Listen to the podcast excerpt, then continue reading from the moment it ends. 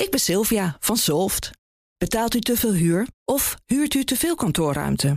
Solft heeft de oplossing. Van werkplekadvies, huuronderhandeling tot een verbouwing, wij ontzorgen u.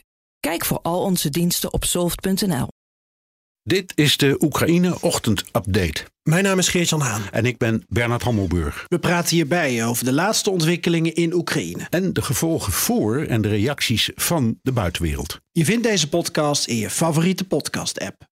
Deze week uh, uh, nieuws van Olaf Scholz. Die zei nou, die nucleaire dreiging is wel voorbij. Ik heb gesproken tijdens die, die laatste top die we onlangs hadden. onder meer met Xi Jinping. Er is druk uitgevoerd op Poetin. En naar nucleaire, nucleaire wapens schrijft hij niet. Nou, wie schetst onze verbazing?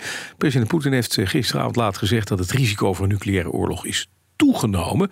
Maar wel zegt hij, ja, Rusland is niet gek. we zullen ons nucleair arsenaal alleen maar inzetten als dat defensief is. Ja, het leuke is dus, Scholz heeft maandag dat interview gegeven al. En Poetin kwam dus gisteren. Dus het is de vraag een beetje bijna, wie heeft er gelijk? Ja, dat is even de vraag. Nou, laten we dat eens even voorleggen aan de buitenlandcommentator Bernard Hammelburg. Bernard, goedemorgen. Nou, goedemorgen. Wie heeft er gelijk? Uh, jij. Oké. ja, nee, het, is, het, het, het, is inderdaad een, een, een, een, wonderlijke manier van communicatie. Scholz die heel nadrukkelijk zegt: één ding is voorlopig veranderd. Rusland is gestopt met het dreigen met kernwapens. Ja. Dat is een letterlijke quote. Uh, de Amerikanen hebben vannacht nog woedend gereageerd op dat, het feit dat Poetin daar toch dan weer over praat. Uh, wat de aanleiding zou kunnen zijn en waar Poetin misschien op duidt, is de definitie, althans de, de regel die Rusland heeft, ik denk het Westen ook, wanneer je nou een nucleair wapen inzet. En dat is op, op het moment dat je vindt dat je land zo onder, uh, zo, zo da, danig wordt aangevallen, ja, dat je geen, andere, Mhm. geen andere middel meer hebt. Ja. Uh, nou, dat is natuurlijk helemaal niet het geval, maar voor het eerst in die oorlog zijn de afgelopen weken een paar keer aanvallen geweest op Russisch grondgebied. En dat, dat, dat was voor de Russen begrijpelijk echt een moment om te zeggen: jeetje, dit, dit wordt echt levensgevaarlijk, ook voor ons. En ik denk dat je het in die samenhang moet, moet zien. Ja.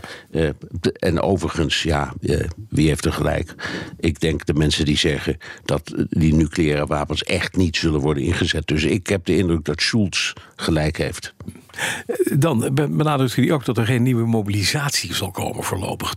Dat is, neem ik aan, een direct adres aan, uh, aan de Russische bevolking. Van vrees niet je zonen gaan niet ook nog even de winter in.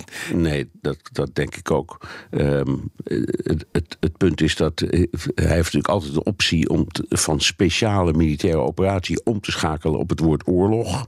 Hij kan ook een oorlogseconomie formeel instellen. Maar dat zou inderdaad toch wel heel veel Russen de stuip op het lijf jagen. Dus dat wil hij niet. Inmiddels is toch ook door heel Rusland denk ik wel duidelijk geworden hoe die situatie zich ongeveer ontwikkelt in uh, Oekraïne. En dat is geen goed verhaal. Uh, dus wat hij nu zegt is: nee, ik heb voldoende aan de, ik meen 150.000 man die, die in die regio zijn ingezet. Mm -hmm. En nog eens 150.000 die of worden getraind of op andere uh, plaatsen zitten om bij te dragen aan die actie. Um, maar het is ook, denk ik, een, een, impliciet een aankondiging van even rust voor de, de, de winterperiode. Uh, en de grote vrees is dat uh, Rusland nu eindelijk doet wat het helemaal tot nu toe in die oorlog niet heeft gedaan, namelijk zich goed voorbereiden op een volgende slag. Want ja, tot, tot, tot het voorjaar of zoiets, dat is maanden nog. En dan kun je een heleboel dingen doen die, die ze in het verleden niet hebben gedaan. Dus de aanvoer van uh, munitie, het regelen van voedsel, uh, de, de vo volledige fourage. Uh, er zijn allerlei fouten gemaakt in die eerste, in die eerste fase.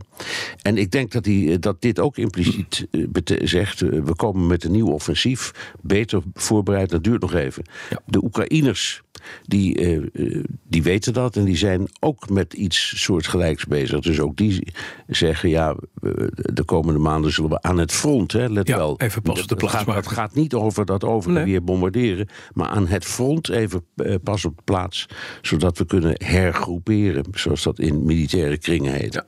Ja, eventjes naar Vitali Klitschko, is die grote bokser met die, uh, met die kromme neus, die uh, burgemeester is van Kiev. En die zegt, ik vrees een apocalyptische winter als die Russische aanvallen doorgaan. Maar nou is de grote vraag natuurlijk, je zegt het net al even, het, is, het lijkt of de, aan het front een beetje bevriest.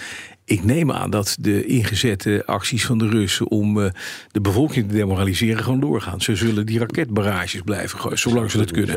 Dat zou zeker kunnen zijn. Twee dingen die spelen. Overigens de klok of de meter van het aantal afgeschoten projectielen op uh, Oekraïne staat nu op duizend. Mm -hmm. Dus er zijn, zijn, er echt heel veel. Nou. Um, en, en Kiev loopt ongetwijfeld weer gevaar. Um, alleen Zelensky is opnieuw uitgevallen tegen uh, Klitschko. Je weet, die twee zijn politieke vijanden. Ja. Die mogen elkaar helemaal niet. En, en Zelensky heeft gezegd, ja, dit is allemaal onzin. Het is allemaal wel erg. Maar je moet, uh, even mijn woorden dan hoor... maar je moet niet zo hysterisch doen, man. Uh, we, we hebben middelen zat. ze hebben overal van die, nou, ik zou maar zeggen, ondergrondse schuil kelders gemaakt met verwarming en internetaansluiting. Ze doen hun best om de mensen ook in deze gruwelijke omstandigheden toch een soort tijdelijke vluchtplekjes aan te bieden. En dat is waar Zelensky steeds meer de, de, de nadruk op legt. Ja. Dus ja. Uh, uh, uh, ook hier weer, hoe zit het nou precies? Je zult er maar zitten, joh. Als je nou, flatgebouw kapot oh, is geschoten man. en er is geen water. geen stroom, geen niks. En geen stroom. Nee. En, en, en je zit nu, geloof ik, al op min 11 en je bent op, Ja. onderweg naar min 20. Het is vreselijk. Nou en of, dankjewel. Buitenlandcommentator Bernard Hammelburg. Ik ben Sylvia van Solft. Betaalt u te veel huur of huurt u te veel kantoorruimte? Solft heeft de oplossing. Van werkplekadvies, huuronderhandeling tot een verbouwing, wij ontzorgen u. Kijk voor al onze diensten op soft.nl.